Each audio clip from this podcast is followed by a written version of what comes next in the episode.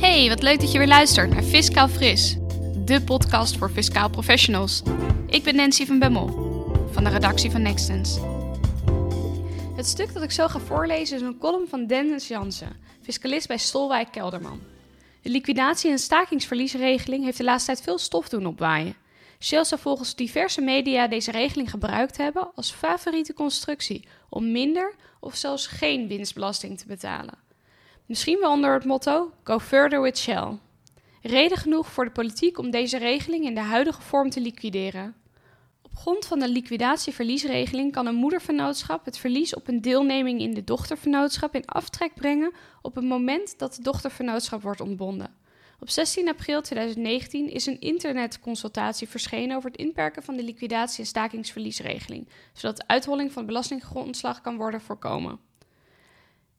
Het initiatief wetsvoorstel is op enkele punten gewijzigd. Het kabinet heeft aangekondigd dit gewijzigde voorstel over te zullen nemen. Om het gewenste doel te bereiken zijn drie beperkingen voor de aftrek van liquidatieverliezen opgeworpen: kwantitatief, geografisch en temporeel. De kwantitatieve beperking houdt in dat Nederlandse belastingplichtigen een kwalificerend belang moeten hebben in de dochtervernootschap om in aanmerking te komen voor de liquidatieverliesaftrek. Met de wijziging wordt een kwalificerend belang gehouden bij 50% van de aandelen, waar dat initieel 25% was. Daarnaast worden belastingplichtigen geografisch beperkt, aangezien er alleen deelnemingen gevestigd in Nederland of in een andere EU- of EER-staat in aanmerking komen voor de aftrek. Tot slot wordt als temporele beperking opgeworpen dat de vereffening van het vermogen binnen drie jaren na de staking van de onderneming of het liquidatiebesluit is voltooid. Op deze wijze wordt langdurig uitstel van het aftrekmoment voorkomen. Tegenover de opgeworpen beperkingen staat dat de drempel voor de aftrek van de liquidatieverliezen met de wijziging wordt opgerekt. Tot een bedrag van 5 miljoen euro zijn liquidatieverliezen te alle tijden aftrekbaar. Een aanzienlijke verruiming ten opzichte van het initiatiefwetsvoorstel, waarin een drempelbedrag van 1 miljoen euro werd voorgesteld.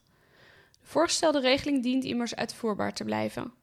Een wijziging die MKB-bedrijven vast en zeker zullen toejuichen. Het gewijzigde wetsvoorstel liquidatie- en stakingsverliesregeling tracht voornamelijk multinationals te raken. Dennis steunt de NOB in hun betoog dat het wetsvoorstel een omgekeerd effect kan hebben. Multinationals hebben vaak meerdere deelnemingen. Door samenvoeging van activiteiten kunnen zij wellicht het verlies alsnog verrekenen met hun buitenlandse belastinggrondslag.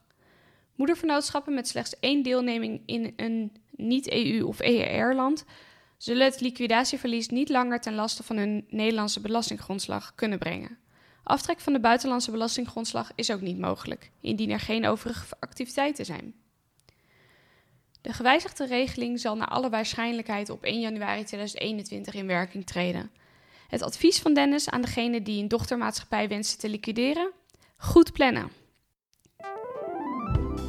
Dat was de column. Bedankt voor het luisteren. Wil je nu meer columns lezen of luisteren?